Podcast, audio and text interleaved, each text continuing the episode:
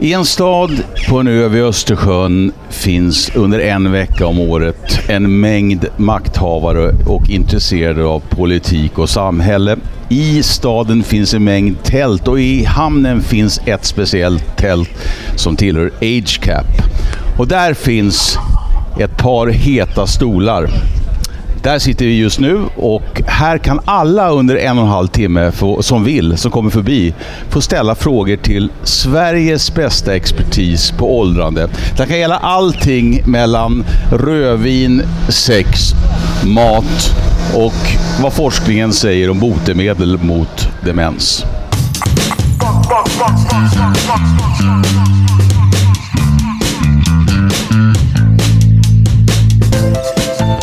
Men du Anders, hur mycket har du tänkt på åldrandet egentligen idag? Eh, ja, sen jag sprang på dig så har jag tänkt på det hela tiden. Vi har ju bägge blivit äldre. Eh, men annars så har jag eh, kunnat eh, konstatera att åldersfrågor är ju någonting som man liksom inte kan kringgå, vare sig man vill eller inte. Jag menar, när man kliver upp på morgonen så är man inte lika bra i knäna som man var för 30 år sedan. Och eh, man, alltså den fysiken känns ju. Eh, man vet att man blivit äldre. Känner inte du likadant? Jo precis, alltså man eh, kan inte böja sig ner lika mycket. Jag brukar säga som Magnus Härenstam brukar säga att när man märker att man är gammal det är när man böjer sig ner för att knyta skorna och så plockar man upp någonting samtidigt. För att liksom när man ändå är nere så att säga. Precis. Ja. När jag ändå är här nere så kanske man ska hitta på någonting annat. Ja. Men du, du åker ju jorden runt och pratar om eh, åldrandet. Ja. Vilken är den vanligaste frågan du får? Hur ska jag undvika att bli dement? Det, det, de flesta människor är rädda för att få Alzheimers sjukdom och vill veta hur ska jag kunna undvika att få Alzheimers sjukdom. Och vad svarar du då? Då säger jag att det är de här gamla vanliga råden man har. Va? Man ska motionera, undvika rökning, kolla sitt blodtryck, kolla sina kolesterolvärden, äta nyttig mat, hålla igång huvudet på olika sätt. Dricka lite rödvin kanske. Va? Så det är ganska trevligt att undvika Alzheimers sjukdom faktiskt. Ja, om man gillar att motionera och man, och, och, och man, in, och man är mycket medfött också. Eh, alltså förutsättningarna för att få demens, hur mycket handlar det om medfödda egenskaper? Alltså det är överskattat, generna är överskattade. Man kan säga det att det vi ser nu det är alltså att omgivningsfaktorer, det som du kan påverka själv, påverkar väldigt mycket mer av åldrandet än vad man kan tro. Och idag vet vi det att vi kan förebygga demenssjukdomar på samma sätt som man kan förebygga hjärt-kärlsjukdomar. Vi som sitter här, vi, vi diskuterar åldrandet och eh, vi, vi tänker ju att, att folk ska komma, kunna komma och ställa frågor. Ja.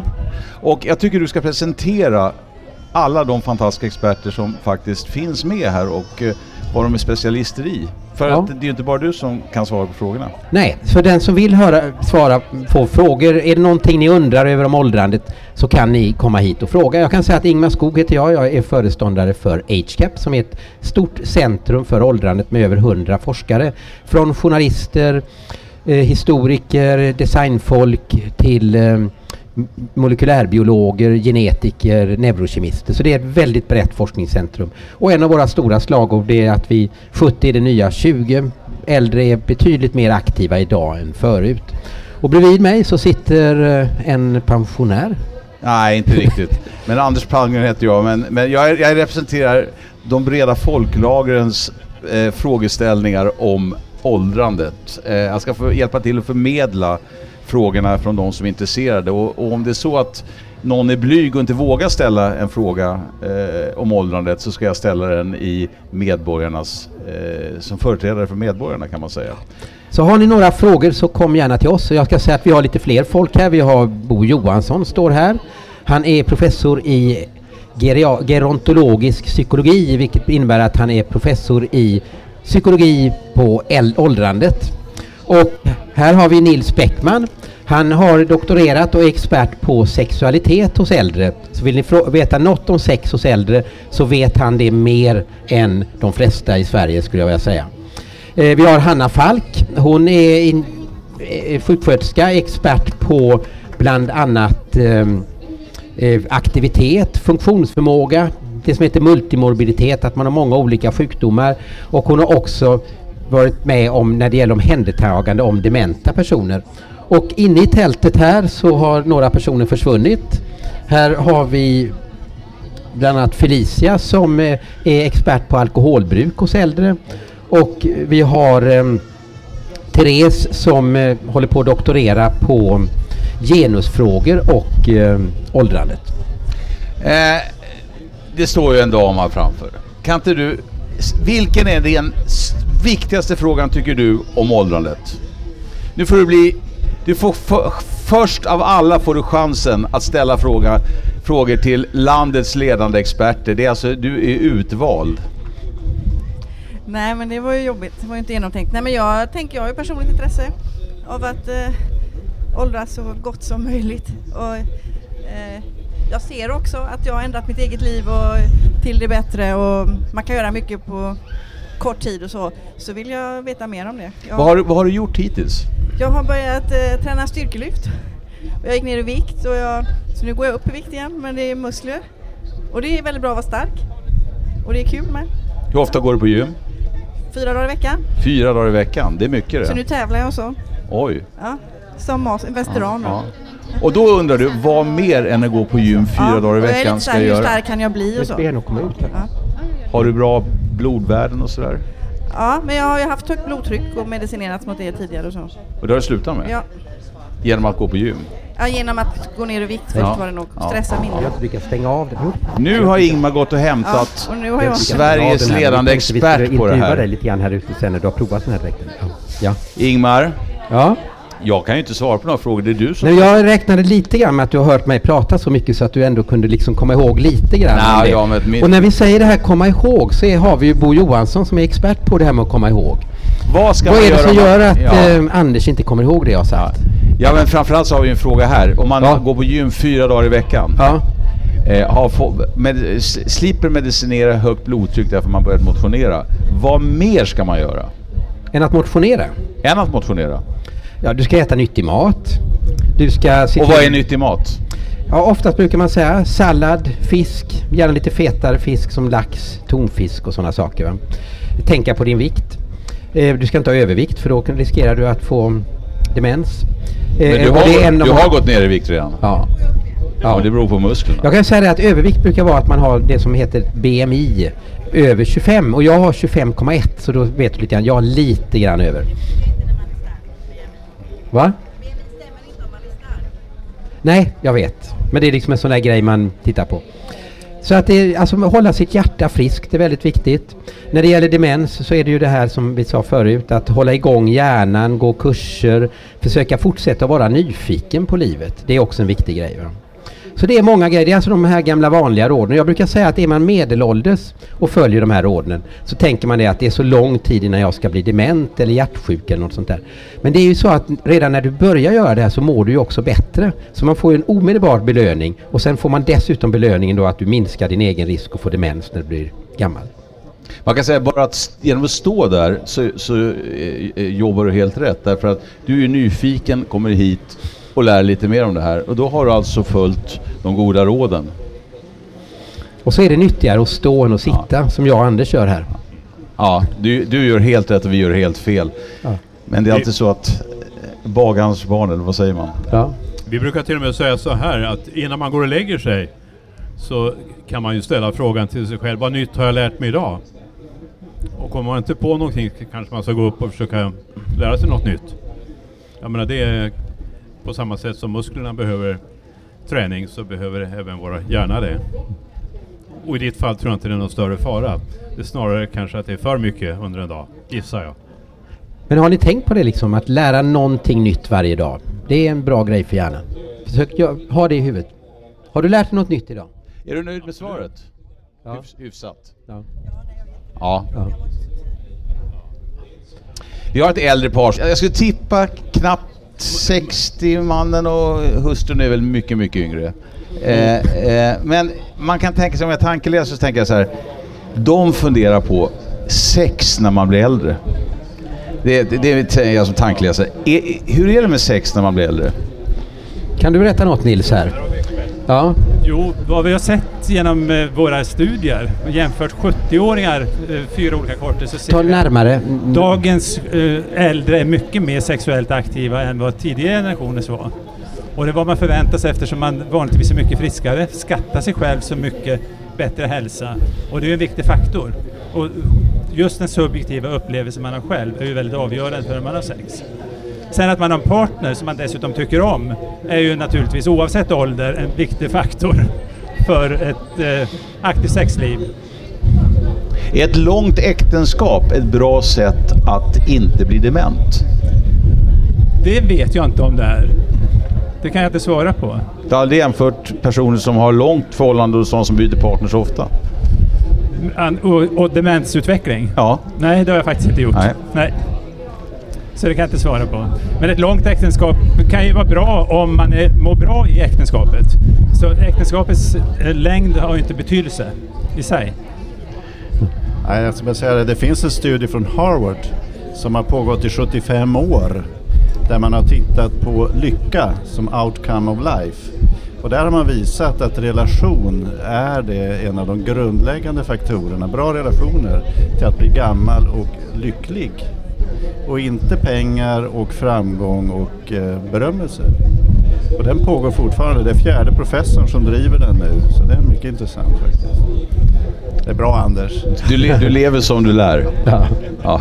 Och det, det är precis samma resultat vi har sett i våra studier, att relationen är väsentlig, grundläggande för ett eh, ja, lyckligt förhållande, för ett bra sexliv, för välmående i största allmänhet.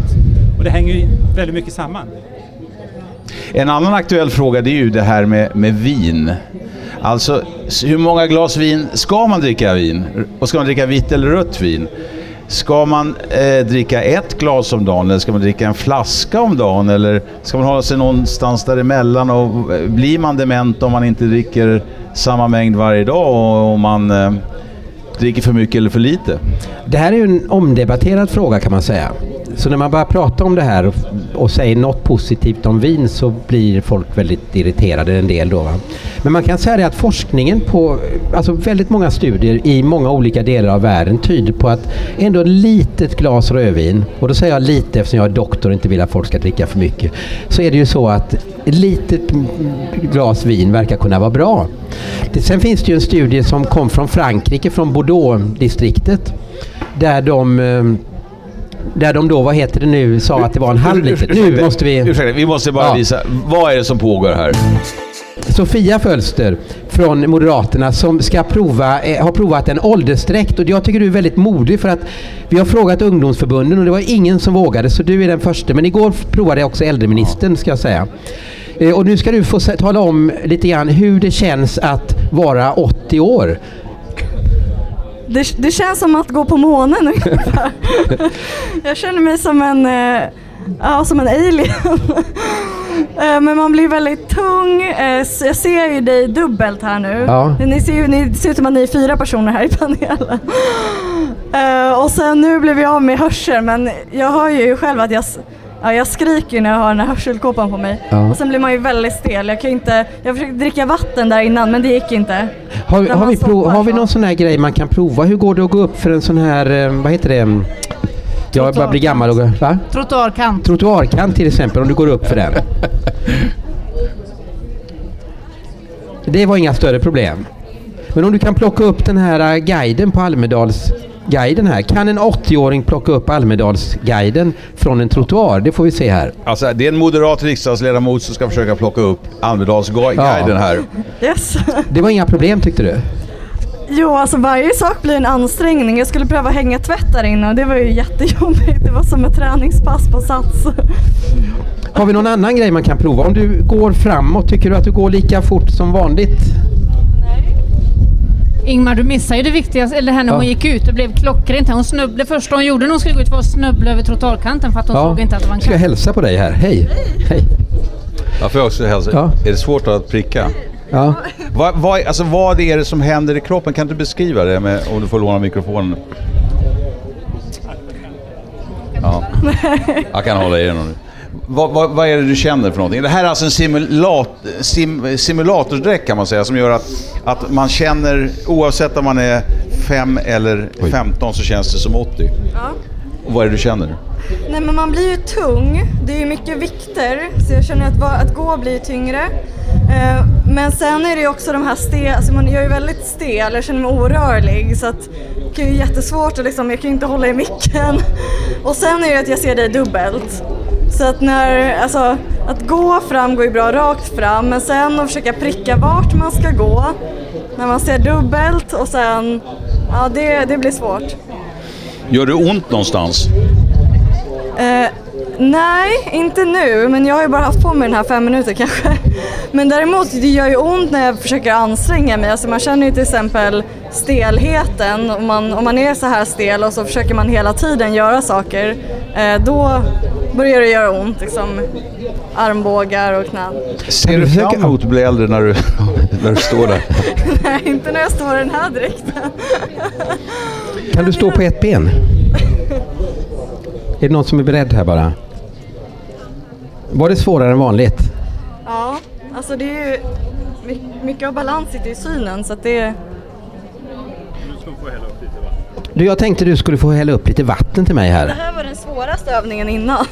ja, om du kan hälla upp lite vatten till mig här så, så ta den och så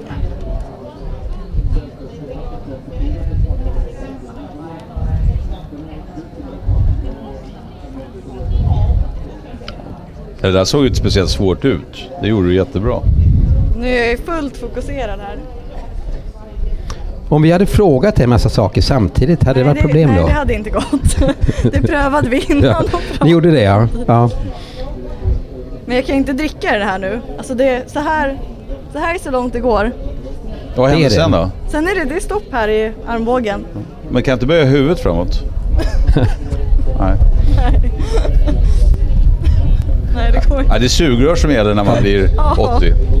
jag tror det.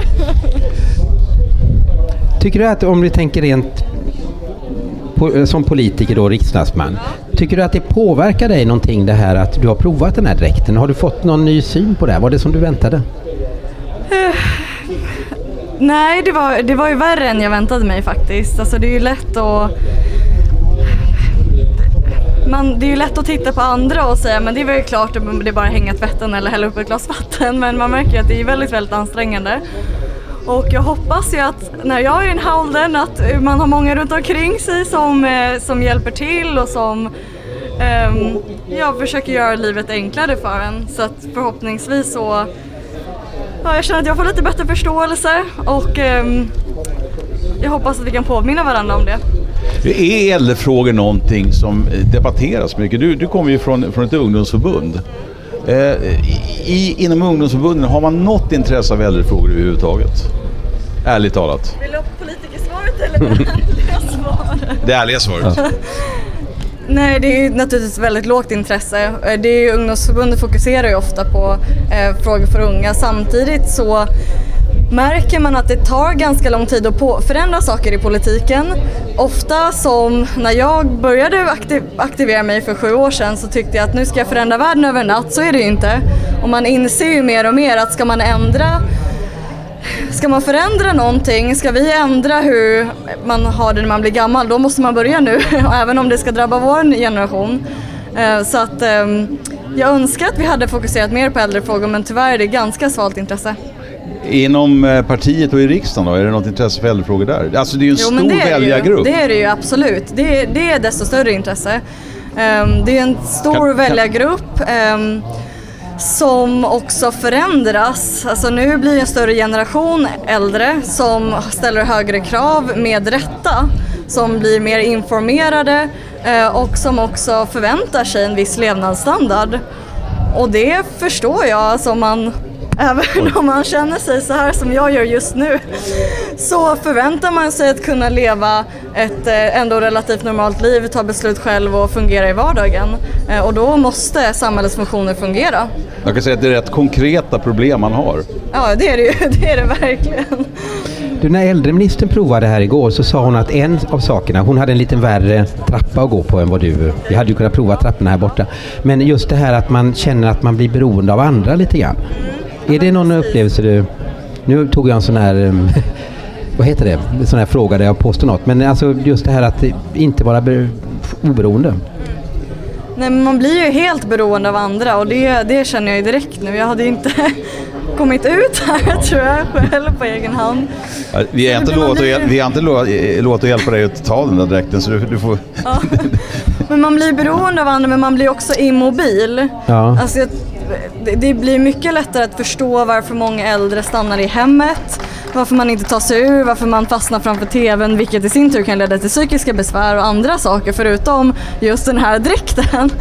Eh, så att det, det, det är det som man blir beroende av, men jag känner också den här immobiliteten som förhoppningsvis kan avhjälpas av andra som hjälper till eller ny teknik i framtiden.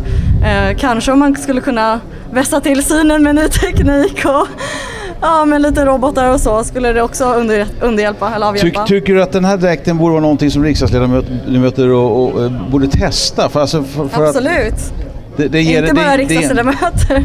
Alla. Ganska många, ja. ja. Det ger en dimension till. Ja, exakt. Anhöriga också. Kan man få lite mer förståelse. Vi kan ju ta det som en utmaning mot andra ungdomspolitiker att de borde prova det här. Ja, ja det får ni gärna skicka vidare till Ja. både mina kollegor i riksdagen och andra ungdomspolitiker. Stafetten är, är langad kan man Ja. säga. Ja. Ja. Har du någon Ja. fråga förresten? Vad sa du? Har du någon fråga? Nej, nej, inte så här långt. Du vill bara bli av med den här dräkten? Lite. nej, Du vill, du vill gå tillbaka 55-60 år i tiden? ja, precis. Sex, ja, drygt. Nej, men vad tycker ni man kan göra? Vad är ert med, medskick? För att underlätta för den här 80-åringen. Alltså grejen är ju att man kan säga att de flesta äldre vill ju vara oberoende. Och det här är ju en grej som gör dem mer obero- beroende. Och det är väl att se till att man när man behöver hjälp, att man också får hjälp i hemmet. Hanna, du är lite expert på det här området. Att, eh, har du någon synpunkt? Ja, vad vi har sett i vårt material är ju att man eh, bland annat kan eh, kompensera för den här typen av funktionsförluster genom att man anpassar boendemiljön. Så att både det här med eh, smart design men också precis som du var inne på det här att vi ökar teknologianvändandet i vardagen och eh, på det sättet kompenserar för de förluster vi gör funktionsmässigt. Ja, du kanske vill bli av med den där nu. Tack för, tack, tack för att du kom hit och testa. Det var inte så många som vågade faktiskt. Nej, det var faktiskt väldigt få politiker som... På minglet? eh, Ja. Ja, alltså för alla som inte hörde från början och som går förbi och undrar vad det är för konstigt dräkt. Vad vi gör här det är vi pratar om åldrandet i olika former och det där är en simula eh, simulatordräkt som gör att man känner sig som 80 med samma. Eh, till skillnad mot verkligheten så kan man snabbt bli yngre när man tar av sig den där men det är en, ger en erfarenhet hur åldrandet kan kännas. Eh, det är bara kom fram några frågor. Vi höll på att diskutera ett väldigt viktigt ämne eh, när eh, eh, riksdagsledamöten Fölster och dräkten kom ut, nämligen vin. ja. Vi kom till frågan om Skall man, det sägs ju att man ska dricka ett glas vin om dagen, men hur är det med det? Och är det bättre med två glas eller en flaska vin om dagen? Eller, och ska det vara rött vin och vitt vin, eller spelar det någon roll? Eller rosé? Ja, man kan ju säga att det här är en av många. Det, man kan säga att de flesta studierna tyder, om det, är, om det nu är bra, så att det kan vara rödvin. Och man har hittat att i många olika länder att det här verkar vara skyddande för demens. Man pratar ju ofta om att det kan ha med livsstil, att de som dricker rödvin har en annan livsstil och att det skulle skydda. Men man har hittat det är så... Vad menas med det? Ja, att man lever ett annat liv, man är mer öppen, man kanske är mer, mer liksom lagom i sitt liv, man njuter mer av livet, att det, man kanske tänker mer på sin hälsa så man inte dricker så mycket. Eh, så att det, det har diskuterats mycket vad det kan vara. Man pratar också om att det kan finnas vissa ämnen i vinet som skyddar och så vidare. Men det här är omdebatterat och som läkare är man ju lite rädd för att eh, ta och rekommendera folk att dricka alkohol. För vi vet att dricker du för mycket, då ökar man risken för demens. Och det har vi sett va, i olika studier. Så att eh, det här är ingen lätt fråga. Men som sagt att eh, det finns tecken på att det kan vara nyttigare att dricka lite grann. Då är frågan, hur lever du själv? Hur många glas vin om dagen eh, dricker du för att hålla dig eh, fräsch i hjärnan? Jag brukar ta två flaskor, nej jag bara skojar. Men jag brukar ta inte varje dag eller något sånt där. Va? Det är det inte. Så jag gör nog... Alltså grejen är ju så här att mycket av det här när vi pratar om att förebygga demens. Det är ju en sak att man går ut och säger. Jag har till exempel inte kollat mitt blodtryck på två, tre år, vilket man borde göra varje år. Va? Trots att jag har en sån som Hanna här som skulle kunna göra det då. Va? Och så frågar jag ändå inte. Och då kan man tänka att då är en av de stora grejerna vi behöver göra är att få ut information om hur man förebygger demens på olika sätt. Va? Sen tänker jag ibland så att jag tar ett litet glas vin och då tänker jag att ja, då gör jag det kanske för att skydda mig. Va? Jag försöker äta nyttig mat faktiskt. Alltså mycket sallad, fisk och så.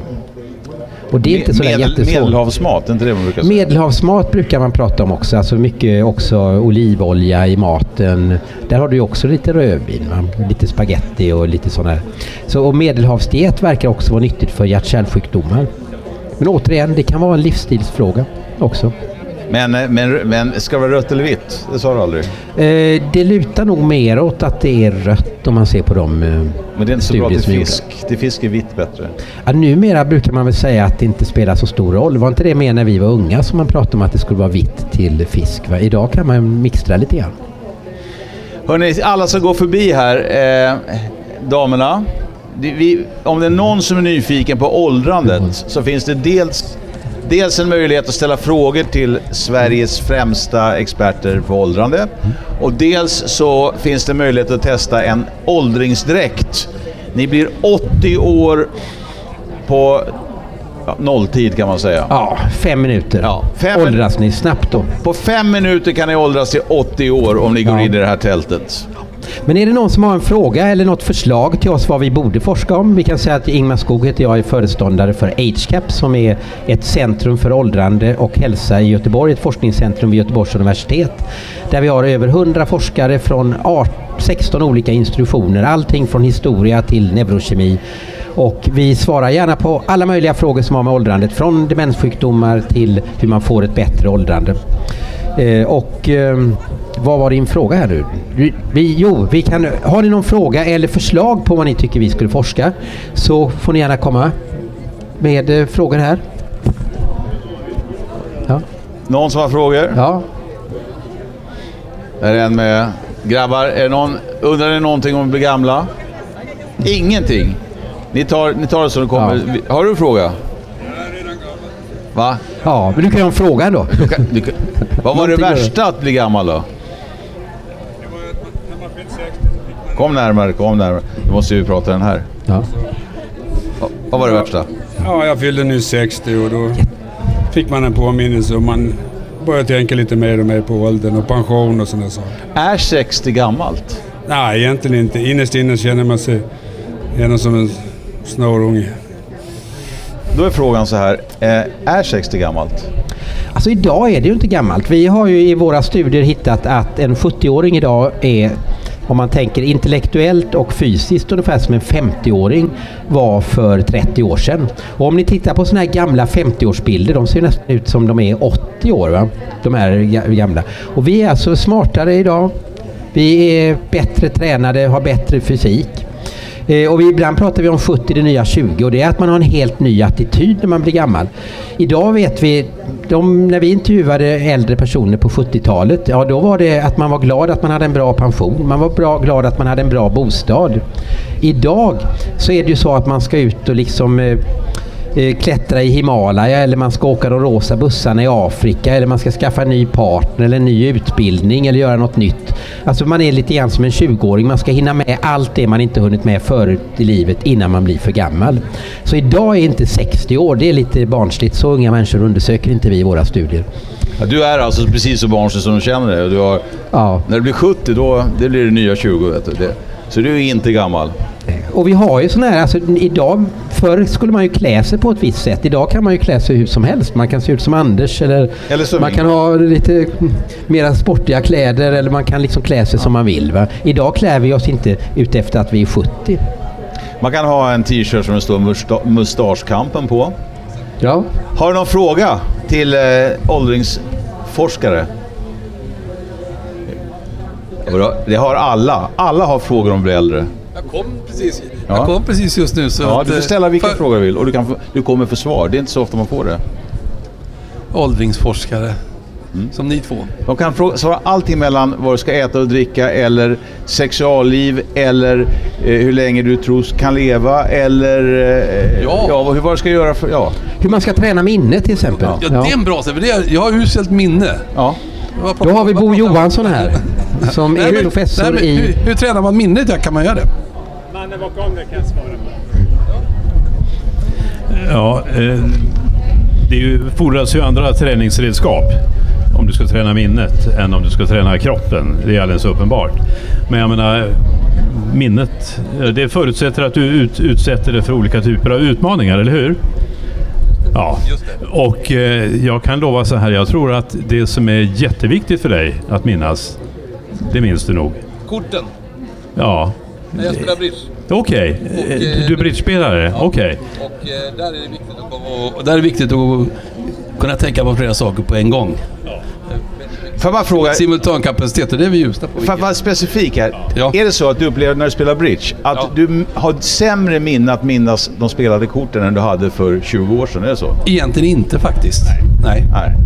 Därför att du har en strategi. Lika dåligt. Ja. nej, men du har en strategi, du har ett visst tänkande. Det är ju oftast när vi möter de här nya utmaningarna, eller hur?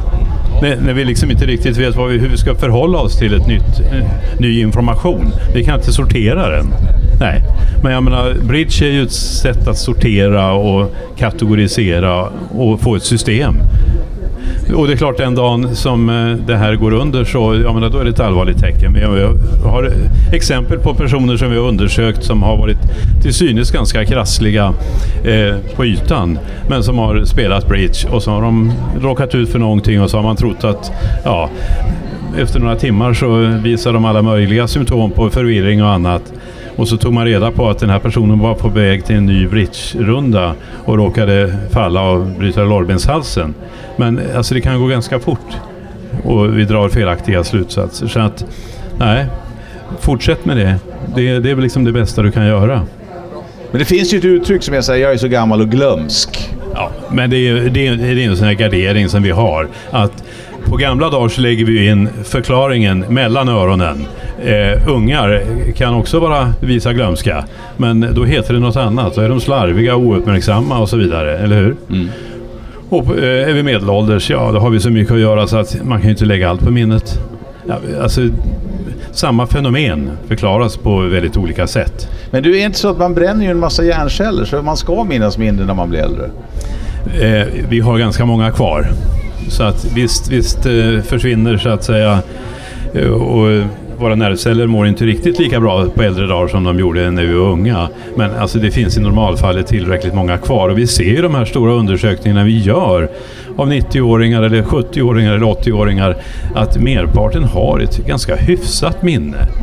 Och- Och sen får vi ju skilja liksom minnet från liksom när det utsätts för vardagens utmaningar till de där väldigt speciella situationerna. När kanske ungarna kommer på besök och barnbarnen är där och man ska göra massor med saker samtidigt. Det bryter en vana. Då kanske man frilägger vissa minnesproblem. Absolut. Får jag bara, frå- får jag bara sticka med med en, en fråga till innan du tar nästa. Eh, Är det så att, att det är en myt att äldre människor inte kan lära sig lika bra som yngre? Det är en myt att äldre inte kan lära sig. Däremot så tar det oftast längre tid. Vi vet att den här, tidsfaktorn är avgörande. Jag menar, vi, vi, vi kan ju bara se på ungar hur snabbt de snappar grejer. Och vi får kämpa på ett helt annat sätt. Vi är väl så att säga förberedda under den där tidiga perioden i livet för att tillägna oss saker och ting. Och senare i livet ska vi använda det där. Men eh, som sagt var, bästa sättet att hålla hjärnan i trim det är ju att fortsätta att försöka lära sig något nytt hela tiden. Finns inget bättre recept. Just det sista du sa nu om att det tar längre tid att lära sig. Jag tänker på, det var, en det var inte den frågan jag hade från början, men ungar, när man, ska man lära sig bli bra på golf till exempel, då ska man börja innan man är tio va? Det finns något enstaka undantag. En australiensare som började när han var sex som blev världsstjärna. Men, men det kan ju gälla samma sak med huvudet då. Att, alltså, vi lär oss en massa saker, allt från när vi är små. Alltså, att sen lära sig något nytt det är ju att ändra på saker ofta. Så kan det vara så att det är samma sak som med, med fysiken som med den mentala? Att det tar längre tid, ja. Och sen vad jag tänkte på tidigare, just den här frågan. Äh, lång, eh, vad heter det? Närtidsminne och lång, långtidsminne och närtidsminne. Det så hör man ofta att äldre har svårare med närtidsminnet, är det så? Kommer ihåg det som hände när man var liten? Ja, bra fråga. Problemet är bara många gånger så har vi väldigt liten kontroll på det där, vad som hände förr. Jag, menar, jag brukar ta det där exemplet om två herrarna som träffades och så började de att prata om, kommer du ihåg 1923? Då när vi gjorde det här och det här. Och då säger den andra, du det var inte 23, det var 24. Men hade man varit ensam så hade man naturligtvis bara fått den enes version av det hela. Eh, vi skiljer egentligen, alltså det här begreppet när och fjärrminne som man ibland hört talas om, det är egentligen inte speciellt bra begrepp för att vi har ett korttidsminne och vi har ett långtidsminne. Och korttidsminnet är egentligen väldigt, väldigt kort. Där kan vi få rum med vad vi brukar säga 7 plus minus 2 informationsbitar. Så värst mycket mer är det inte egentligen som vi har för tillfället aktuellt i vårt medvetande. Det är korttidsminnet.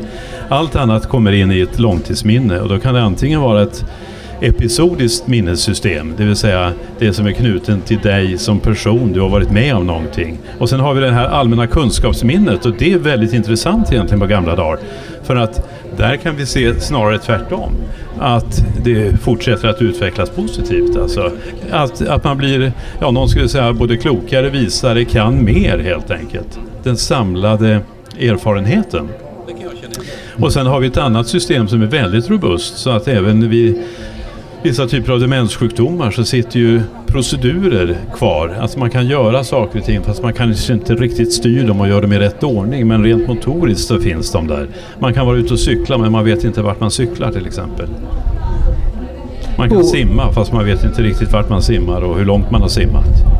Men Bo, väldigt kort. Alltså, blir vi dummare när vi blir äldre eller blir vi smartare? Vi blir smartare i vissa avseenden. Alltså det här begreppet vishet, samlad erfarenhet, det gör ju att vi ofta kan lösa problem på ett mycket enklare sätt kanske än om vi möter problemen för första gången. Jag tror att både du och jag i handledningssituationer av unga studenter och doktorander har råkat ut för det där att vi har varit med om frågorna förr. Så vi vet ungefär hur vi ska tackla det. Men för många som, ja det här är första gången man råkar ut för det här, ställs inför den här utmaningen. Och det är klart, då, ja, hur ska man hantera det? Så att på så sätt får vi ju ett, ett eh, kan säga, mer av kompetens överhuvudtaget. Borde vi ha mer äldre riksdagsledamöter? Jag Eller ska man föryngra?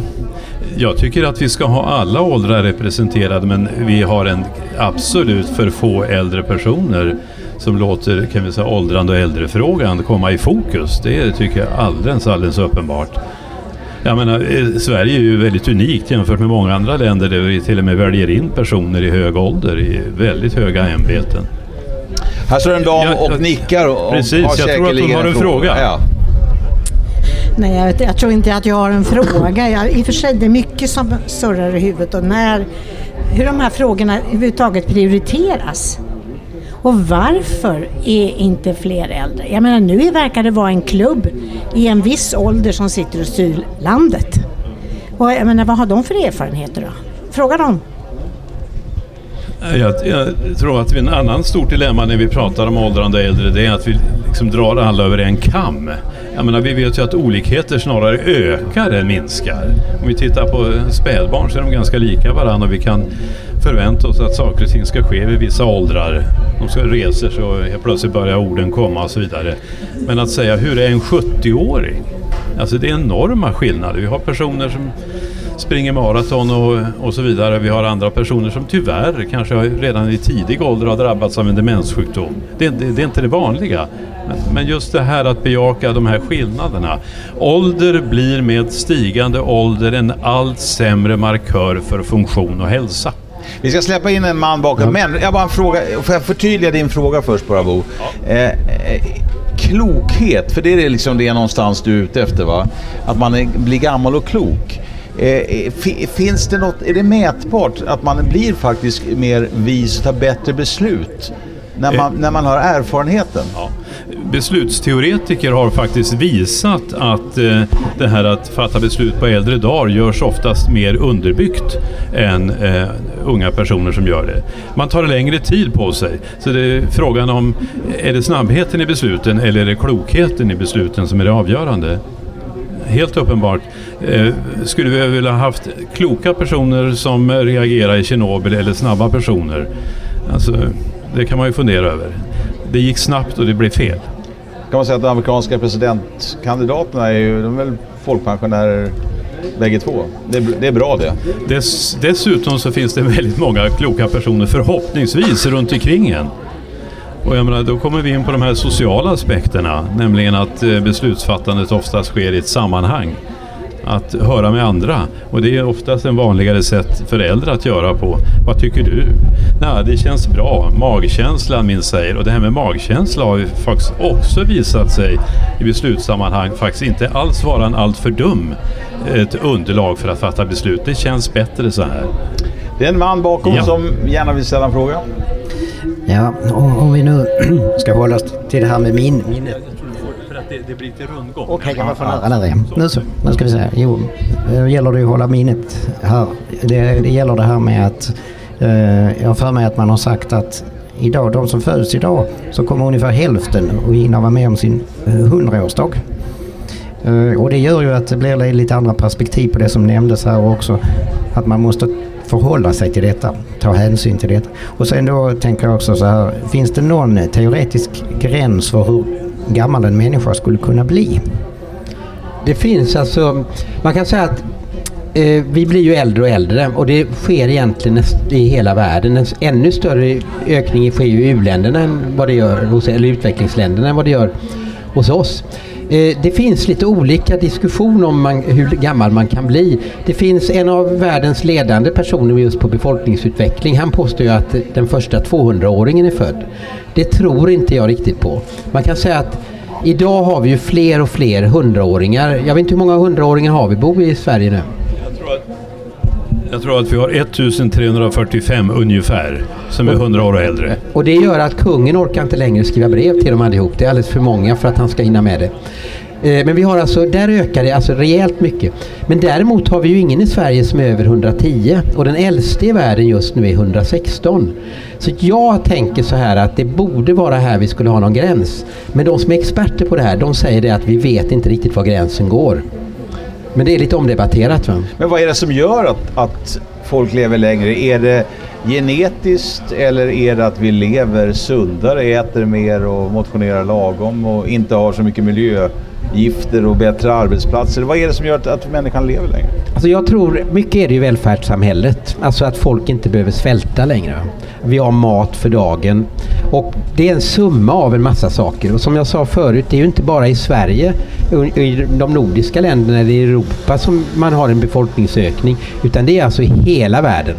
Och den riktigt stora ökningen av antalet äldre den sker ju i Asien där man har en enorm ökning. Och man kan säga att i de här länderna där det förut har varit eh, infektionssjukdomar och barnsjukdomar som har dominerat. Där kommer ju ålderssjukdomarna att börja. Alltså demens. Man räknar med att antalet dementa i världen är ungefär 35 miljoner just nu. Man räknar att det kommer att vara var 135 miljoner inom en eh, 35-årsperiod. Alltså en ökning från 35 miljoner till 135 miljoner. En glad nyhet är att det som man het, kallar den åldersspecifika eh, förekomsten av demens. Det är alltså att man räknar med att ungefär 1 eller 2 procent av 70-åringar har demens. Man räknar att ungefär 20 procent av de över 80 år, säg att 30 procent av, en 85, av 85-åringar, mer än hälften av de som är över 90 år har en demenssjukdom. Och här verkar det vara, vi har till exempel i Göteborg sett att förekomsten bland 85-åringar går ner från ungefär 30 procent till 22 procent. Och liknande har man sett i västvärlden. Och det beror ju antagligen på att vi har en mera sund livsstil idag. Eh, men det här innebär då att det fortfarande kommer att öka. Så att istället för att öka till 135 miljoner så kanske det bara ökar från 35 miljoner till 120 miljoner.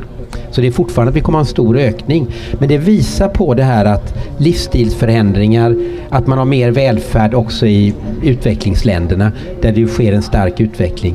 Att det också innebär att vi får fler äldre personer och då får vi mer personer med demenssjukdomar. Även om äldre personer idag är mycket, mycket friskare än vad man var för 30, år sedan. Eh, jag, jag, kan koppla på också på frågan du hade här om, eh, om ärftligheten.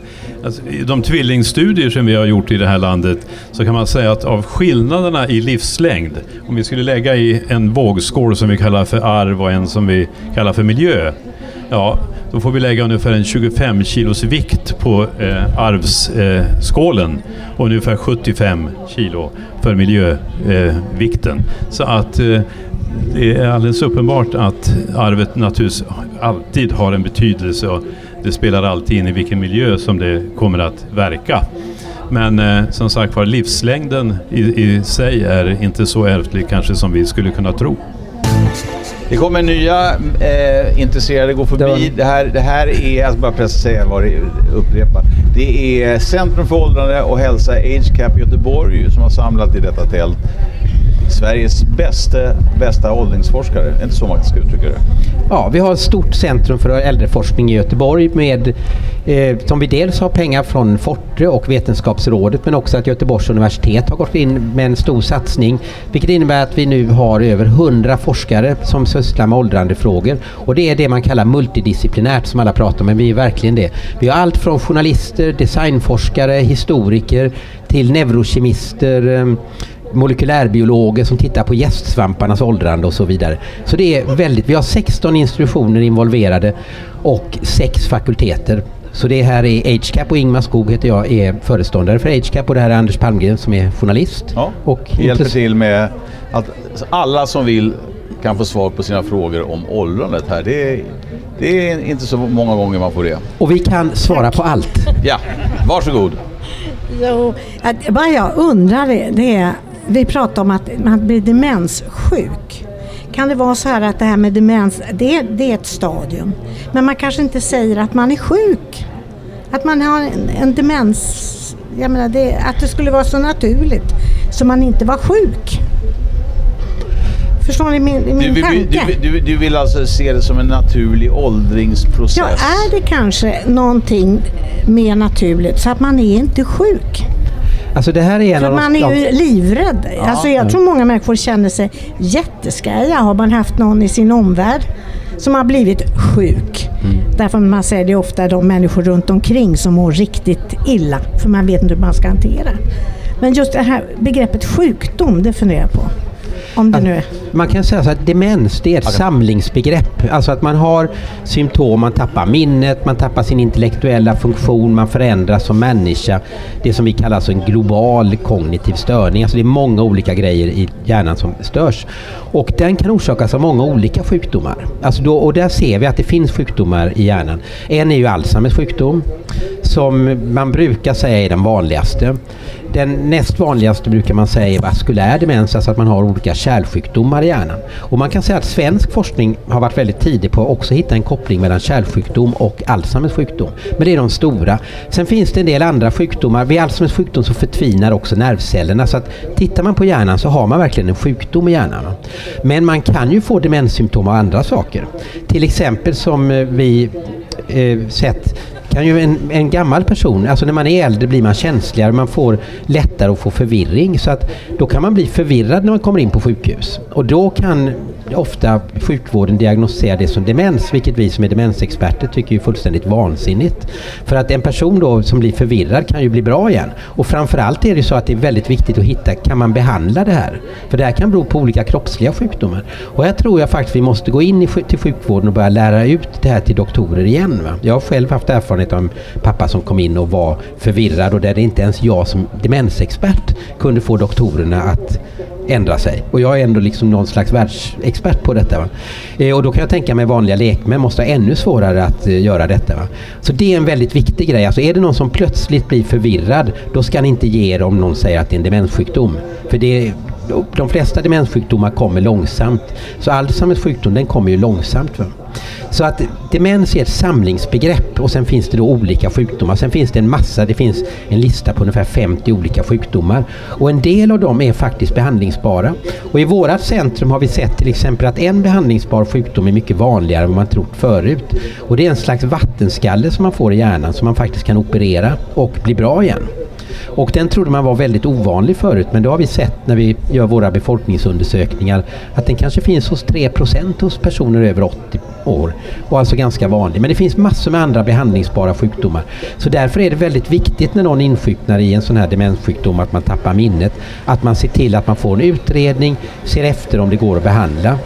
När det gäller Alzheimers sjukdom så har vi ju idag ingen riktigt bra behandling. Vi har sådana här äh, bromsmediciner alltså som mera påverkar symptomen. Och de hjälper ungefär en av fem personer. Men det är ändå ganska bra. Men de botar inte sjukdomen men de gör kanske att symptomen blir mindre uttalade. Och symptomen är ju egentligen det man har problem med. Så där har vi, och det görs massor med forskning för att hitta att verkligen kunna behandla sjukdomen. Men, men eh, Ingmar, ja. just när det gäller eh, botemedel mot Alzheimer ja. eller bromsmediciner, där har väl forskningen kommit rätt långt. Det har sagts att det ska komma nya läkemedel rätt snart. Eh, det är nog så att det än så länge så är det en bra bit dit. För, alltså man har gjort väldigt mycket studier på framförallt ett visst ämne i hjärnan, alltså ett visst äggviteämne i hjärnan. Där det är väldigt osäkert. Man kan säga att efter 90 år så har nästan alla personer det här ämnet oavsett om man har en demenssjukdom eller inte. Eh, men mycket forskning har gjorts där. Va? Så att just nu verkar det inte finnas någon läkemedel som alltså inom de närmsta 5-10 åren kommer att kunna ha effekt. Men det kanske, alltså det görs jättemycket forskning och det kan bli ett genombrott som vi aldrig, som vi inte kommer oväntat. Men eh, det som kan vara demens kan bara vara att man byter miljö och är, är van vid vissa rutiner och så blir man förvirrad utav det. Så att det, det är mycket feldiagnoser ja. i, i demensbegreppet. Ja, och demens, alltså demens är ett samlingsbegrepp på att man tappar sin intellektuella förmåga kan man säga. Och den kan ju bero på att man är förvirrad, att man har en depression, massor med olika orsaker. Där fick du svar. Det, det ibland är det sjukdom, ibland är det inte alls sjukdom. Ja. ja. Och det är viktigt alltså det här att gå, kommer det snabbt så även om man är gammal så har man faktiskt rätt att få en utredning. Och där är sjukvården inte helt bra om man säger så. Om man har en nära anhörig som eh, börjar bli förvirrad, vad ska man göra då? Då ska man gå till sin allmänläkare och se, säga att här har min anhörig blivit förvirrad. Jag vill att ni tittar efter och försöker se vad kan det här bero på. Och det har man rätt att få? Det har man rätt att få, ja. Så säger de nej så ska ni säga det ska man få. Och det är viktigt även när man är gammal och 90 år. Socialstyrelsen har sagt det att man måste, man, ålder får aldrig vara ett skäl för en behandling. Alltså är man 90 år så ska man ha lika stor rätt att få behandling för olika sjukdomar som när man är 60 år. Men inom sjukvården så säger man ofta att den här personen är för gammal. Men det är faktiskt olagligt. Man bryter mot lagen då. Och Socialstyrelsen har sagt väldigt klart det här att man ska ha behandling. Finns det fler frågor? Eh, ni har chansen. Ja, kom fram du ska du få. Ja. Varsågod. Jag skulle bara fråga, Alzheimers sjukdom, är det lika spritt över hela världen eller är det mer vanligt i västvärlden? Man kan nog säga så här att det ser ut att vara ungefär lika vanligt i hela världen. Det finns en del studier från Afrika som skulle tyda faktiskt på att det är lite mer ovanligt där. Men samtidigt måste vi då komma ihåg att här lever 70-80 procent man är. Alltså det här är ju sjukdomar, man kan få dem tidigt och då är det ofta ärftliga sjukdomar. Men de här som vi, de flesta av oss är oroliga för, de kommer ju efter 70-75 års åldern. Och då är det ju så här att hos oss nu så är det ju en 70-80 procent av befolkningen i en årsgrupp som lever upp till den åldern. Medan i de afrikanska länderna så är det fortfarande kanske bara 15 procent någonting. Och då är det ju så att då har man ju massa faktorer som gör att man är, man är ju mer en överlevande befolkning som har en massa skyddande. Och det kan göra att de kanske har lite lägre. Men i stort sett så är det nog ungefär lika vanligt i hela världen. Vem var det mer som viftade? Varsågod. Ja, om vi minns rätt så fick eh, drabbades Mao Zedong av Parkinsons sjukdom. Den har du inte nämnt här. Nej, vi har, inte, vi har faktiskt inte så mycket forskning på Parkinsons sjukdom och jag är inte riktigt expert på det heller. Men man kan säga att när det gäller kända politiker så kan vi nog säga att Ronald Reagan fick ju demens. Och eftersom man börjar få de första symptomen redan kanske 15 år innan man verkligen blir sjuk så är ju det en eh, lite oroväckande grej för han var ju rätt gammal när han var president. Eh, även Margaret Thatcher fick ju demens. Eh, man brukar prata om den här Jalta-konferensen att då hade Stalin eh, vaskulär demens, han hade haft stroke. Eh, Roosevelt hade antagligen det också. Han hade ju fruktansvärt högt blodtryck och hade antagligen mass- han dog ju i en stroke också. Och Winston Churchill hade alkoholdemens. Och, eh, så det var ju liksom ett rätt kul sällskap där. Eh, och det är ju många politiker då som, eh, men det är inte bara politiker, men alltså det finns väldigt mycket kända personer som har fått demenssjukdomar. Och demenssjukdomar är ju hemska sjukdomar eftersom de bryter ju ner personligheten. Och jag tror att de flesta här kanske har någon anhörig man har sett gå in i det här. Va? Du har också haft en fråga. Ja. Jag hoppas jag svarade på din fråga. Parkinson är inte riktigt min grej, men det är ju en väldigt vanlig sjukdom. Jag kan säga också att där är det också en viss koppling till demenssjukdomar. Räknas det som demenssjukdom? Nej, det är, ingen, det är ingen demenssjukdom utan du har en... eh, det är vissa nervceller i hjärnan, i vissa basala områden i hjärnan som förstörs då. Framförallt påverkar det motoriken. Men man vet det att det finns en ökning att ungefär en tredjedel ungefär kanske får en demenssjukdom. Det är också kopplat väldigt starkt till depressionssjukdomar. Där ungefär en tredjedel får depression. Så att den är kopplad till sjukdomar som även påverkar så att säga funktion, hjärnfunktionen. Men den stora grejen är att man får svårigheter att röra sig. Varsågod. Jo, jag undrar hur, eller vilka områden är, ligger Sverige i framkant vad gäller forskning om åldrande och hälsa? Där Sverige ligger i framkant. Ja, Alltså vi är väldigt starka inom demensområdet kan man säga. Både på Karolinska institutet har man väldigt stark forskning men man tittar på prevention. Eh, vi kan säga att i Göteborg vi, har vi några av de ledande på när det gäller väldigt tidig diagnostik. Det man kan säga att tre, det är tre centrum va? Som, som centrum. Ja, man kan säga när det gäller demenssjukdomar så är det, har man väldigt stark forskning i eh, Stockholm då på vissa områden. Eh, man har i Göteborg och eh, man har i Lund också en del forskning där man tittar mycket på sådana här förändringar vid sådana här PET-undersökningar och man tittar mycket på tidig demens. Sen kan man säga att befolkningsundersökningarna som vi har i Göteborg och i Stockholm tillhör också världens ledande. va. När Europa skulle söka nu eh, anslag med de ledande grupperna så var faktiskt både Göteborg och vi, Sverige var de enda som fick med två grupper där när det gäller befolkningsundersökningar. Och eftersom jag sysslar med befolkningsundersökningar så kan jag säga att där är vi väldigt starka i överhuvudtaget de nordiska länderna för där har vi våra personnummer. Vi har också det här att vi har lätt att hitta folk. Va? Vi kan ju göra så här att vi ber vi kan, man skickar en grej till Skatteverket som vi gör och så ber vi att få alla människor som är födda vissa datum och då får vi adresser och så vidare. I USA till exempel där är man tvungen att först göra sin egen befolkningsräkning så man får först kostnaden att ha folk som åker runt och räknar alla människor i ett område och sen gör man ett slumpvis urval. Va? Och även våra register anses ju vara en väldig styrka även om register har sina svagheter. Så där är vi, vi är väldigt starka. Men Sverige har också varit en av de tidigaste länderna när det gäller demensforskning och även äldreforskning eftersom vi har haft en väldigt gammal befolkning. Så att det innebär att vi har en väldigt lång tradition vilket innebär att vi till exempel eh, Forte som stöder det här centrumet har tagit ett kontrakt med Indien där man vill ha kontakt med Sverige för att lä- lära sig äldreforskning.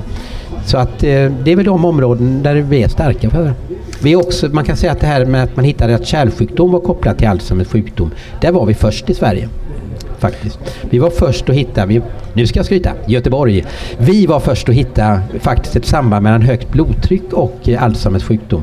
Och även med fetma och Alzheimers sjukdom. Jag råkade vara i USA när vi hittade det här med fetma. Det blev en jättegrej. Jag liksom låg på hotellrummet och satte på CNN och upptäcker plötsligt att de berättar om Göteborgsstudier Göteborgsstudie som första nyhet i alla tv-kanaler. Alla. Fetma är ju en stor grej i USA. Ville Bo säga någonting? Ja, jag, jag tänkte bara komplettera vad Ingmar säger här. Nämligen att just att vi kan följa folk över tid, över långa, långa tider. Det, är- det är helt unikt för Sverige och för de nordiska länderna där vi har de här befolkningsunderlagen, representativa befolkningsunderlag. Merparten av forskningen tidigare gick ut på att man jämför olika åldersgrupper. Och man blandar liksom ihop saker och ting. Utan nu blir varje individ sin egen kontroll. Och vi ser på har han hon förändrats sedan föregående undersökningstillfälle.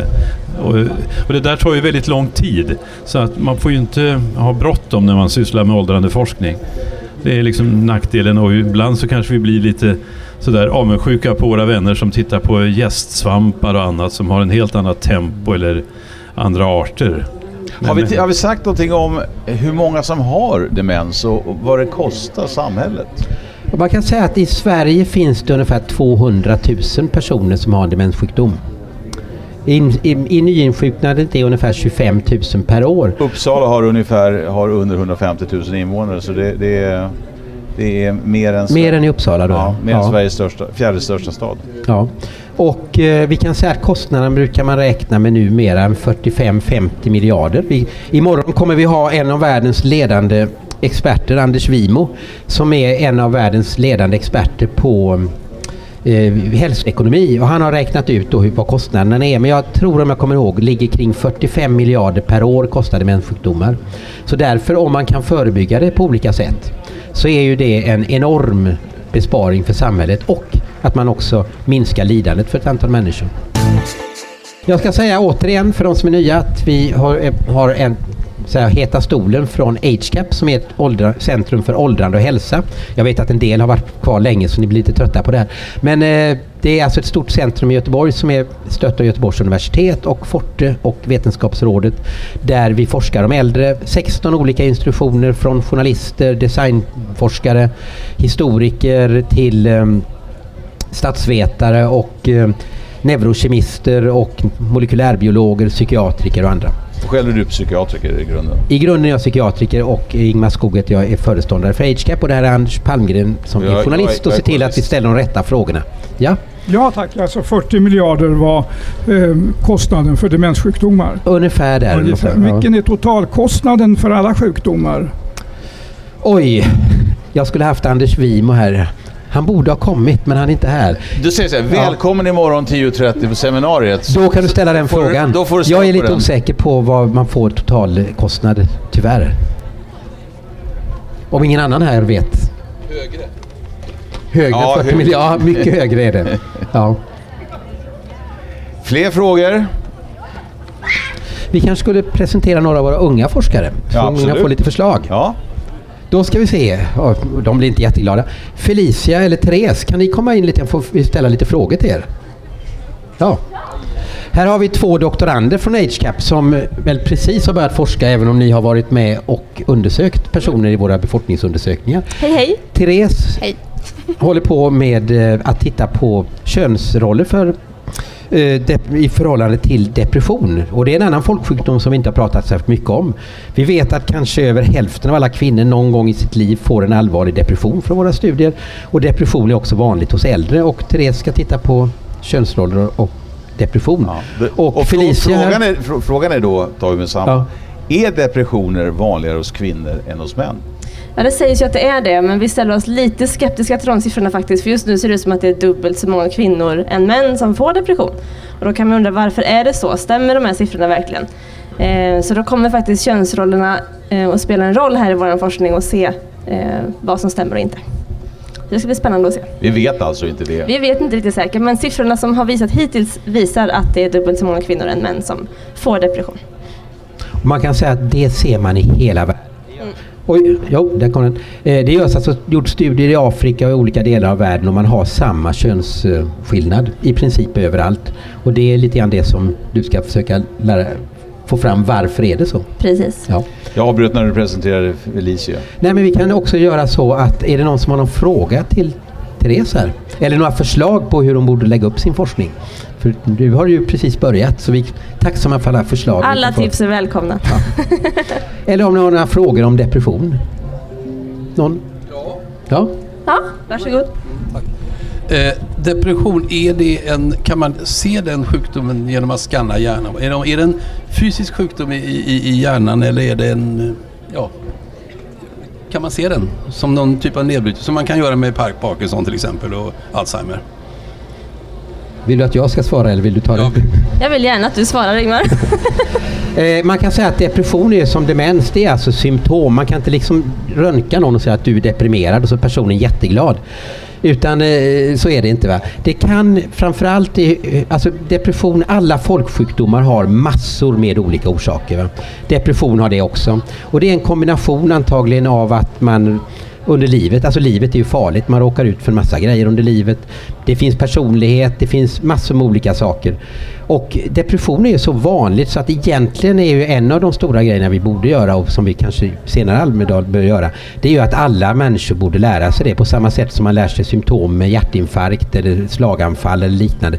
Så borde alla känna till det eftersom depression är en allvarlig sjukdom. Den ökar dödligheten, man, eh, den ökar eh, risken för självmord och så. Det är den vanligaste orsaken till att man tar livet av sig. Och ju äldre man blir, ju större orsak är depression som en orsak. Däremot verkar det inte vara vanligare med depression när man är gammal än när man är yngre. Men däremot är det ju en vanlig sjukdom i alla åldrar kan man säga. Jag vet inte om jag svarade på din fråga där. Ja. Tillägg bara, när man pratar om utmattningssyndrom, gå in i väggen till exempel. Ja. Då, åtminstone vad jag har hört, så kan man eh, det, det, är någon form av kemisk förändring. Man blir aldrig, man blir aldrig helt fri, frisk från det där, även om man har vilat aldrig så länge. Alltså det, där kan man säga lite olika åsikter. Alltså det finns ju då rätt mycket forskning på det här med utmattningsdepression. Ofta är det ju människor som jobbar väldigt hårt och som fortsätter. Jag kan vara lite tveksam, men det här är lite omdiskuterat. Eftersom det är så här att om man har en depression och fortsätter att jobba, då brukar det, ja när jag gick läkarutbildningen så sa den gamle professorn där att en person som har en depression och försöker jobba, det är som att piska en trött häst. Och då bränner man antagligen ut hjärnan på olika sätt. Va? Och det är det man ser i det här med eh, att det är väldigt svårt att komma tillbaka Det efter en utmattningsdepression. Ja. Så någonting händer. Så att där är det alltså väldigt viktigt att man tar det lugnt och att man kanske får mediciner. Det är inte alltid att mediciner hjälper. Man kan behöva psykoterapi, det finns olika behandlingar. Men det är framförallt viktigt att man upptäcker depressioner och att man gör det i tid. Nu är jag lite deprimerad för du höll på att presentera Felicia. När jag, Ja. det- Och Felicia hon har ett ämne som är väldigt eh, populärt i media och på olika sätt som vi fått mycket om. Och hon ska forska om alkohol hos äldre. Det är faktiskt ingen som någonsin har gjort det. Vi har, haft, vi har faktiskt frågat folk om alkohol de senaste 30 åren men egentligen aldrig riktigt analyserat det. Så Felicia är den första som ska göra detta. Så du kan berätta lite grann om din forskning. Ja, det var väl ungefär där vi var. Jag är precis eh, nybliven doktorand eh, från mars månad. Eh, och jag ska väl främst intressera mig främst för eh, effekterna av konsumtion, eh, främst riks, eh, riskfylld konsumtion eh, och se vad det ger för effekter på hälsan. Kommer du jämföra om det är eh, bättre att dricka rött vin än vitt vin eller brännvin? Det har vi möjlighet att titta på eftersom vi, har, vi, mäter, eh, ja, vi mäter konsumtionen på olika eh, dryckes, eh, drycker helt enkelt. Så det vill jag göra. Har vi några frågor om alkohol? Ja. Ja, du, får Du får gärna ställa fråga vad du vill. Ja. Ja, vilken fråga som Backa bandet lite och Ja. vill ställa en fråga om den här forskningen eller en tankeinput om den forskningen om kvinnor och depression. Man, och du säger att det är generellt sett lika över världen. Och jag tänker att generellt sett så lever kvinnor underordnad män. De är ekonomiskt osjälvständiga i större så att säga, skala. Och om vi också tittar på eh, när vi tittar på sociala medier idag och ser hur, alltså nu, nu är det synligt på ett annat sätt hur unga tjejer redan från tidig skolålder, man ser idag redan från förskolan att de så att säga blir sexuellt trakasserade. trakasserade. Och det här väcker ju väldigt mycket tankar om inte bara det biologiska utan kontexten som kvinnor befinner sig i och vi delar det med varandra världen över. Kommer du att ha med det här spåret i din forskning för det är ju någonting som vore väldigt, väldigt viktigt att få titta på. Jättebra fråga. Eh, det kommer absolut vara en stor del av min forskning. Eh, det är så kallat genusperspektiv som jag kommer använda mig av. Och det är precis som du säger, det finns en otrolig börda på kvinnor världen över. Både hur vi ska se ut, hur vi ska vara, vad vi ska göra och vad vi inte ska göra. Eh, sen så kan man även se att mycket män idag har en liknande press fast åt andra hållet också. Men det ska självklart vara en jättestor del av min forskning, absolut. För dels kvinnor i arbetsför ålder, den här dubbelbördan som vi utstår med både barn och familj och göra karriär och desslike. Så i alla åldrar har vi olika typer av de här dubbelbördorna som, eh, som kvinna. Så jättebra kommentar. Tack. Fler, fler Tack frågor? mycket. Ja. En fråga som jag tänkte på, ett, ett ämne som faktiskt var aktuellt under, eh, ja, ständigt aktuellt, men blev aktuellt under den förra mandatperioden var ju hur länge vi ska jobba. Eh, alltså det var väl Reinfeldt som sa att vi måste jobba till 70. Eh, frågan är då när, eh, vi pratade ju förut om hur gammal eh, människa kan bli. Ska vi jobba till 90? Eh, är är det det som är, som är målet för de som, som nu föds? Att, att eh, man blir, eh, eh folkpensionär vid 90 eller kanske 95? Alltså det är ju en svår fråga det här. Alltså grejen är att när pensioner infördes så var det av Bismarck på 1880-talet när han gjorde en kompromiss med Socialdemokraterna i en kamp mellan eh, mot katolikerna om, de, om hur mycket kyrkan skulle bestämma om skolorna. Och då var det 2% som var över 65 år. Nu är vi snart 25 och det är klart att ska vi ha en hyfsad pension så är det klart att då måste man ju jobba e- längre. Även om alla blir jättearga när jag säger det. Så att, men det, antagligen måste vi göra det. Va? Men det finns alltså olika aspekter där. Alltså en grej är till exempel att när det gäller depression som jag pratade om förut så är det så att den verkar vara högst åren före pension, lägst i hela livet åren efter pensionen. Och de flesta studier visar ju det att befolkningen i stort mår ju bättre efter pensionen. Va? Och då måste man göra någonting åt arbetsplatserna vilket är en väldigt viktig del i AgeCap. Vi har en hel grupp som jobbar på hur ska man få arbetsplatserna att vara så att man kan fortsätta att jobba. Sen kan man ju också säga att det är ju inte bara det utan det är också ett slöseri för samhället. Jag vet min företrädare, alltså i alla fall de som vill fortsätta jobba. Min företrädare, en av mina företrädare här, Alva Svanborg, som startade de här äldrestudierna i Göteborg när han gick i pension när han var 67 år, ja, då värvades han till USA och blev professor i 10 år. Va? Och man kan tänka sig att de hade nog inte värvat honom om de inte ansåg att man hade nytta av honom. Va? Så att det är ju ett slöseri att vi inte använder vår äldre befolkning mer och den erfarenhet som Bo pratade om förut. Eh, och... Eh, men sen måste vi också komma ihåg att en del yrken lämpar sig inte för detta. Vissa yrken är man ju, blir man ju nedbruten av. Om man är vårdbiträde, har tunga kroppsarbeten, då kanske man är så nedbruten redan vid 55 år att man borde gå i pension. Så att den knixiga grejen är hur ska man få det här att bli vettigt? En person som jag som är professor, jag har redan hög lön. Om jag då jobbar längre, ni har sett era rosa kuvert, ju längre man jobbar ju mer får man. Är det rättvist då att bara för att jag dessutom kan jobba längre ska jag då få ännu mer än sjukvårdsbiträdet som måste sluta vid 55? Och där måste man ju hitta en lösning. Sen vet jag att Bo Johansson har forskning också om det här övergången från pensions till högre ålder. Det... ja, vi har faktiskt satt igång en helt ny studie. Eh, det, har inte funnits någon sån tidigare i Sverige där man följer personer. Så vi var ute för, förra året för första gången i en eh, representativ grupp, alltså en liten befolkningsminiatyr mellan 60 och 66 år. Och så kommer vi tillbaka efter ett år och, och, kommer att följa den här gruppen över bland annat pensionsåldern.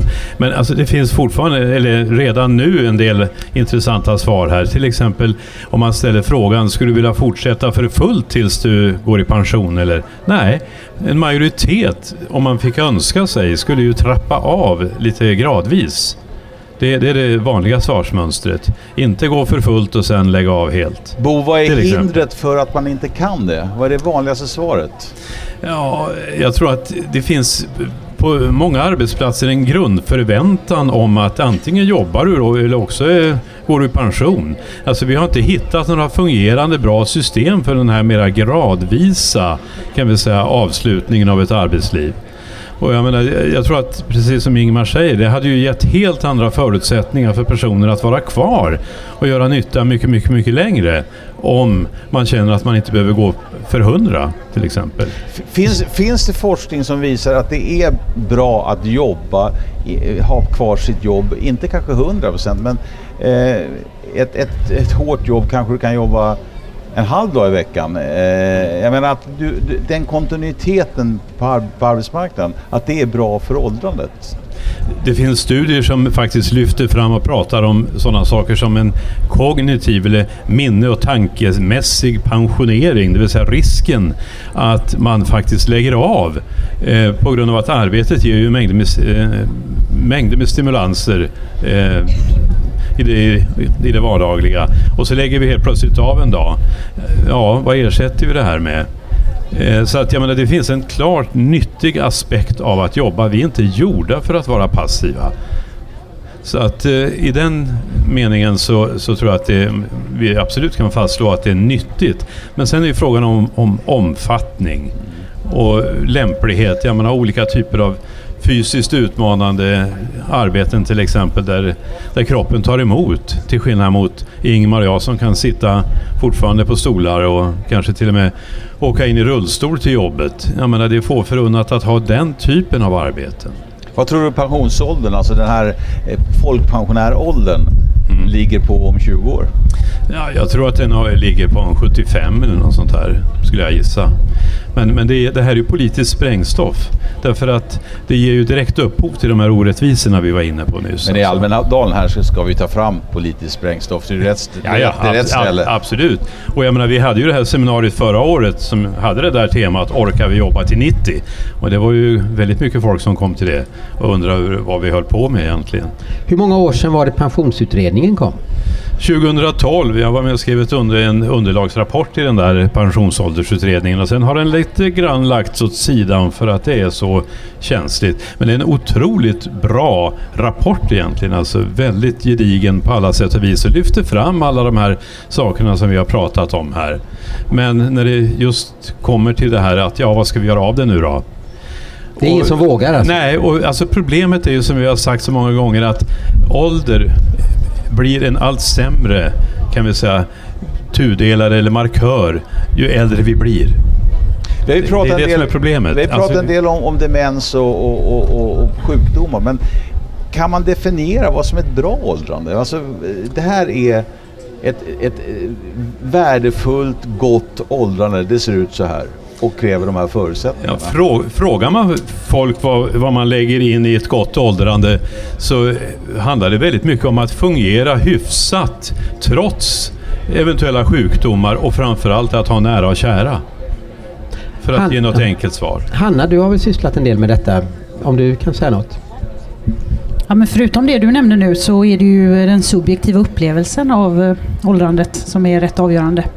Och vi visar ju i en studie nu att eh, skattar du din hälsa som dålig jämfört med eh, någorlunda så har du en runt drygt 60% ökad risk att dö inom fyra år. Helt oberoende av eh, en lång rad sjukdomar och andra socioekonomiska eh, variabler som vi kontrollerar för. Så att den där subjektiva upplevelsen den är nog viktigare än vad vi kanske anar.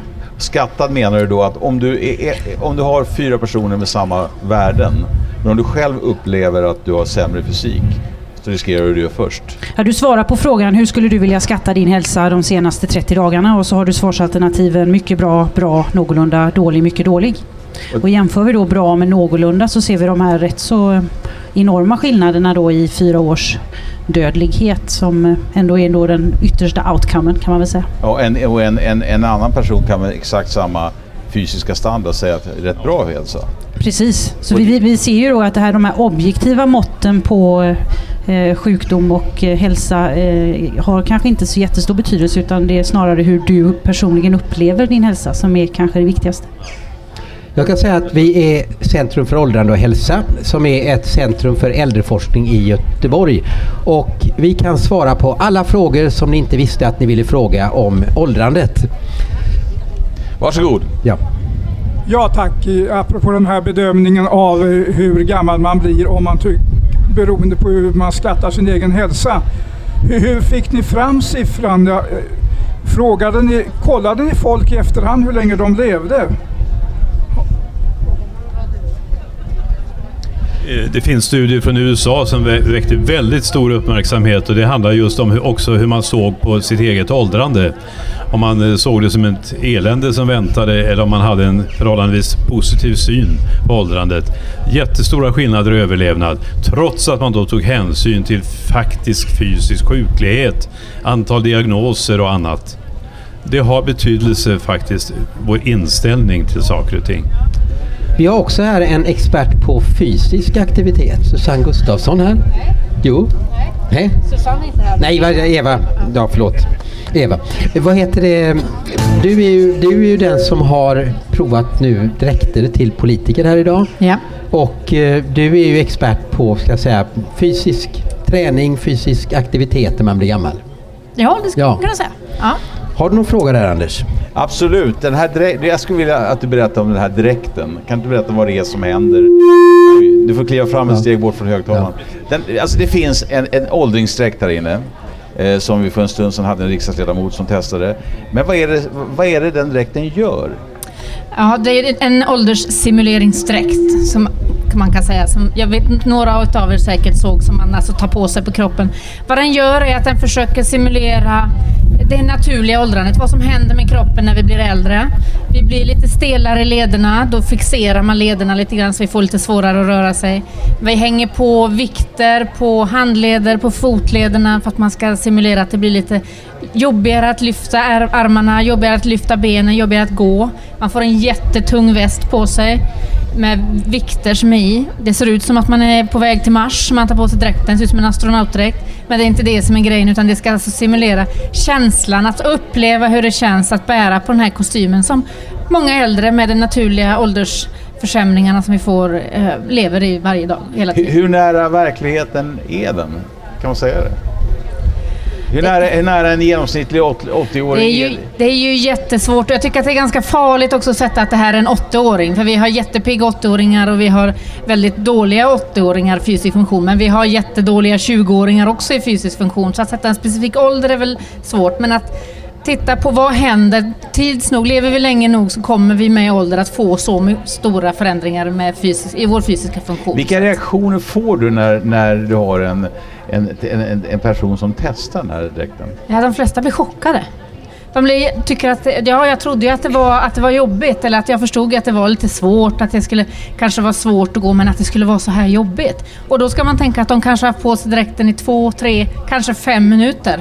Och de är dryper av svett, de tycker att det är jättejobbigt. De mår illa för att med det här dubbelseendet som den här, man sätter på sig ett par speciella glasögon som står nej, nej jag kan inte göra någonting för jag mår illa, det snurrar och sådär. Så och då, vad säger du då till dem? Där? Välkommen till verkligheten. Nej men tyvärr, alltså det är ju faktiskt så. Det här är någonting. Sen är det ju inga försämringar som kommer så här för de äldre populationen. Utan det är någonting som man liksom successivt såklart också anpassar sig till delvis. Nu går man, när man tar på sig dräkten från att kanske många gånger vara fullt frisk och ta på sig och få väldigt många försämringar samtidigt. En fråga är väl, som man ställer sig när man sätter på den där är vad ska jag göra för att inte känna mig så här när jag blir ja, äldre. Kan jag göra någonting för att ja. jag inte ska få det här? Och vad säger du då? Och det är klart att man kan. Det handlar ju om att ge sig själv så bra förutsättningar som möjligt. Är man en fysiskt inaktiv person, om man är 20 och håller sig ganska inaktiv, så är det klart att om man startar på en låg nivå med de, sina de här naturliga förändringarna så har man ett sämre utgångsläge än om man håller sig hyfsat fysiskt aktiv, försöker hålla en betydligt högre nivå så kommer man ju också att bli sämre i sin funktion men ändå bättre än den som inte har hållit Hur mycket gymmar du själv?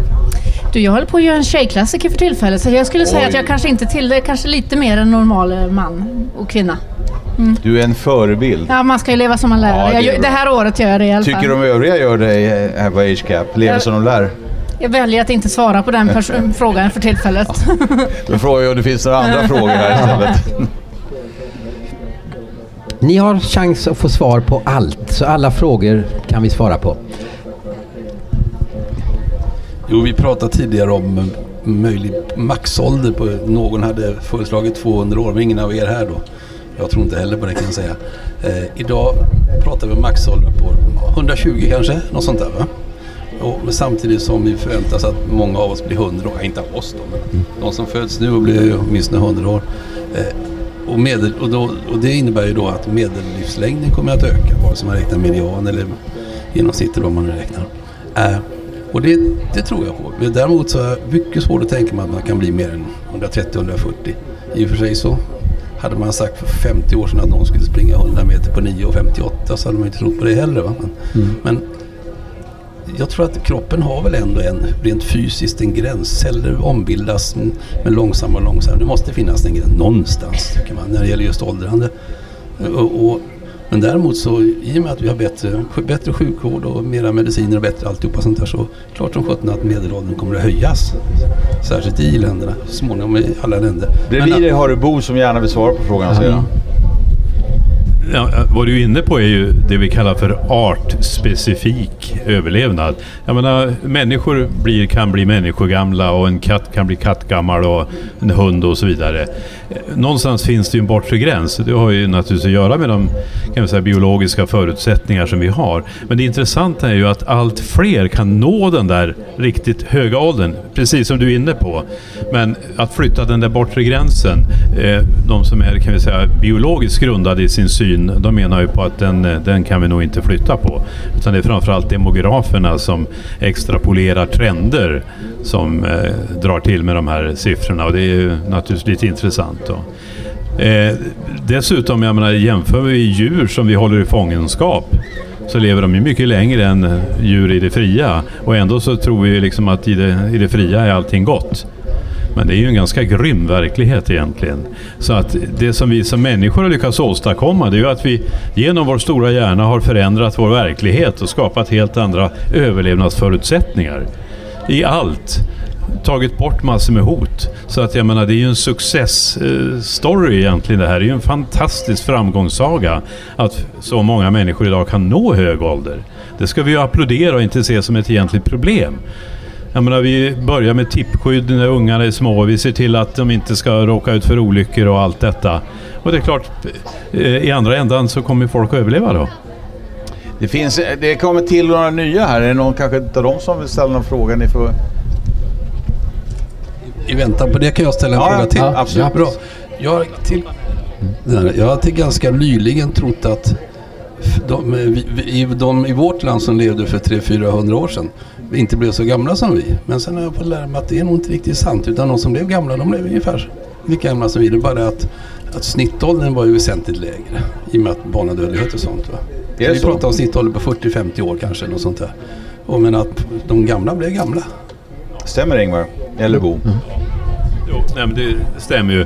Tittar vi tillbaka medellivslängden på 1700-talet, 1750-talet, den låg någonstans på 33 år. Eh, och extremt hög barnadödlighet. Man klarar sig inte förbi första levnadsåret, inte förbi andra knappt heller. Men börjar vi kika sen på de som kommit upp det fåtal, om vi så säger, som kom upp i 65-årsåldern eller 70-årsåldern så är ju skillnaden idag mot idag inte så där jättestor. Visst, visst lever man längre men eh, som sagt var det är ju framförallt att vi har skapat förutsättningar för att kunna åldras. Det är det som är den stora skillnaden. Man kan ju också säga det att en av de nya grejerna är ju att nu har det inte bara med barnadödlighet att göra att man blir äldre utan nu sker ju den förlängda åldern efter 70 år. Där vi ser en väldig skillnad mot 70-talet till exempel. Och sen ser man ju, tittar man på från 1600-talet författare och andra så blev de ju ofta 80-85 år om man tittar på födelsetalen. Och, men det är som sagt, som du säger, jag tycker det var en bra liknelse det här med 100 meterslöpare. Det var ju ingen som trodde man skulle springa på 9,65 va? Man tyckte 10 var max. Och jag, jag, och jag kan säga det att vi, vi sökte ju pengar för en stor studie där vi skulle följa folk.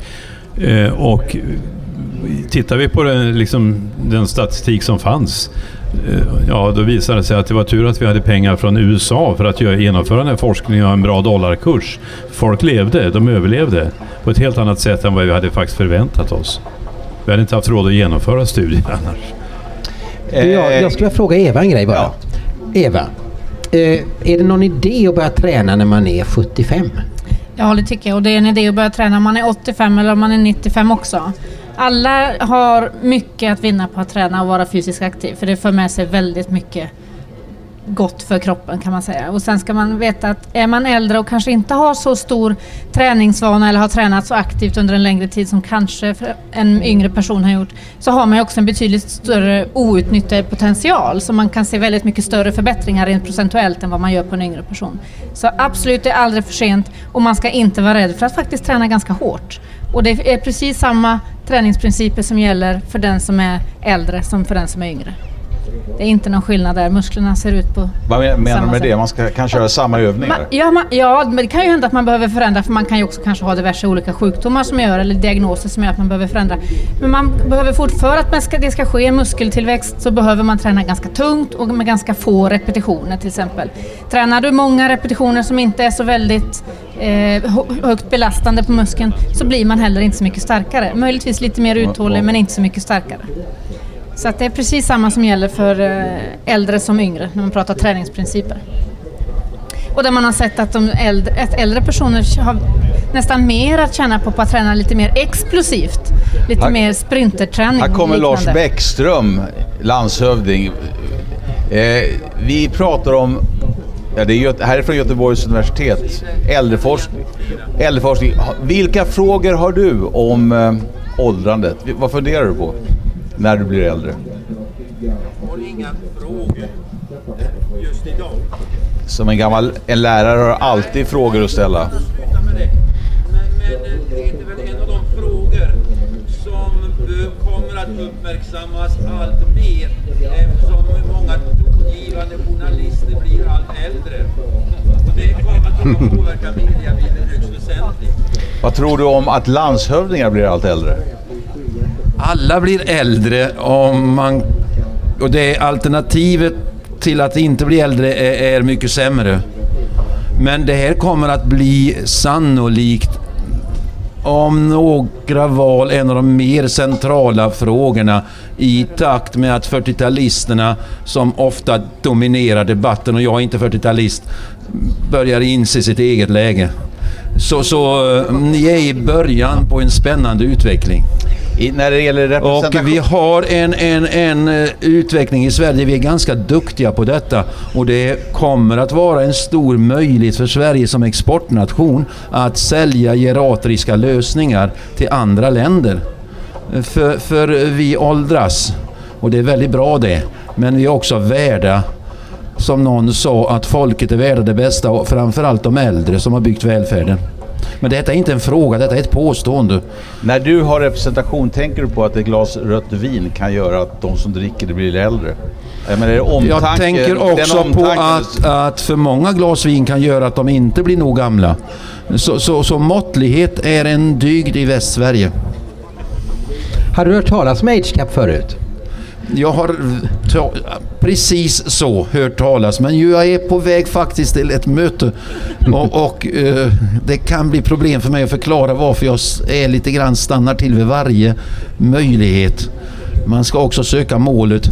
Men, men eh, fullt seriöst, det här är en av de absolut viktigaste frågorna vi har att hantera men detta är ju ingen fråga, detta är ett påstående. Och en fråga är möjligtvis vad vi kan göra för att vara starkare på den nationella och framförallt den internationella arenan. Det finns två, det är återigen ett påstående, det finns två länder som har en snabbt åldrande befolkning. Sverige är tvåa, Japan är etta. Och det gör, och vi har bättre lösningar än vad Japan har, så det gör att vi har stora möjligheter. Men de andra är alltid på väg efter oss. Så är det. Så, så det är viktigt att vi gör detta. Men det får nog räcka. Men det är inga frågor, detta är kommentarer som understryker ämnets vikt. Du får komma på besök till, till herrarna och damerna. Absolut. Absolut. Det tar de som ett löfte. Absolut. Vi ska inte störa dig mer nu. Nej, nej, ja, tack så mycket. Och som sagt var, journalisterna blir äldre så frågan blir allt mer intressant. Tack ska ni ha. Det kan jag bara hålla med om. Det var kloka ord. Ja, vi ska nog börja runda av. Har vi någon fråga mer här? Har du lärt dig något nytt Anders? Ja, mycket nytt. Kommer du ihåg det? Ja, det är ju tveksamt. Jo, men jag, jag kommer nog ihåg... Det, det är som allting annat. Man har ett selektivt minne. Men om det har att göra med åldrandet eller om man alltid haft det, det, det har man alltid haft ja. Tack ska ni ha för att ni kom. Tack för att ni kom. Ja.